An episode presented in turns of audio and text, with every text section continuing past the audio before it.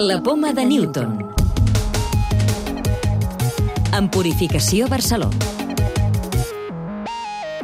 Un projecte del Banc de Sang i Teixits de Catalunya vol produir glòbuls vermells al laboratori. Serà el tema central del nostre programa en què també descobrirem un marcador per saber si els tumors fan metàstasi i com afecta la contaminació a les vacunes contra la Covid-19. El Banc de Sang i Teixits està utilitzant una innovadora tecnologia per aconseguir cèl·lules immortals que puguin servir per generar glòbuls vermells al laboratori sempre que es necessitin. L'objectiu és disposar sobretot de glòbuls vermells de grups sanguinis poc freqüents per a persones amb anèmia falciforme i altres malalties que necessiten transfusions de forma habitual. Però aquests glòbuls vermells també han de servir com a diagnòstic per detectar persones amb un tipus de sang rara que no poden rebre transfusions de grups més habituals. Núria Nogués és la responsable del Laboratori d'Immunologia Hematològica del Banc de Sang i Teixits. Aquestes cèl·lules que obtindrem en forma de línia celular i els glòbuls vermells que se'n derivaran tindran el fenotip, el perfil de grups sanguinis final desitjat perquè ja venen originalment d'un donant que era portador d'aquells mateixos grups sanguinis quan desenvolupen anticossos, aquests pacients realment només es poden transfondre amb sang compatible amb ells, és a dir, una sang que sigui igual de rara, per dir d'alguna manera, que el que ells tenen com a perfil de grups sanguinis.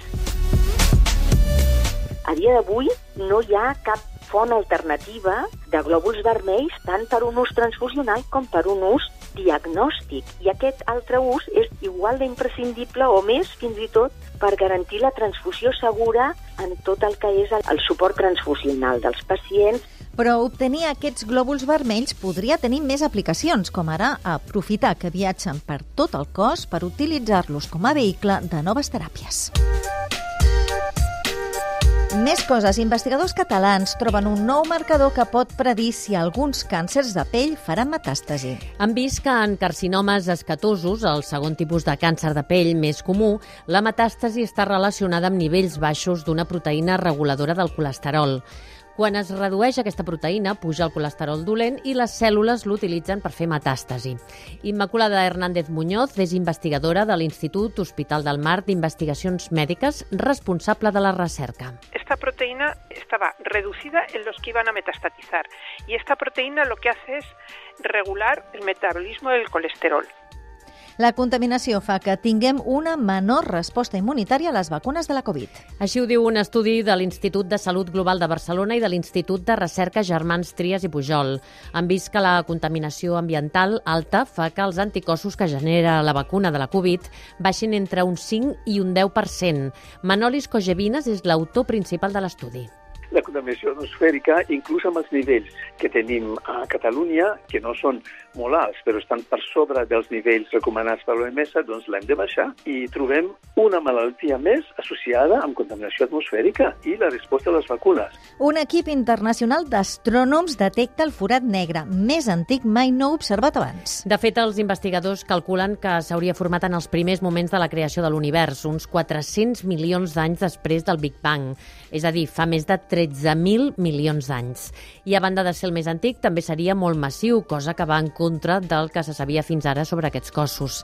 A més, els investigadors han trobat una altra anomalia, i és que aquest forat negre estaria devorant la matèria del seu voltant amb molta més força que altres objectes més joves d'aquest tipus. Llibres de ciència.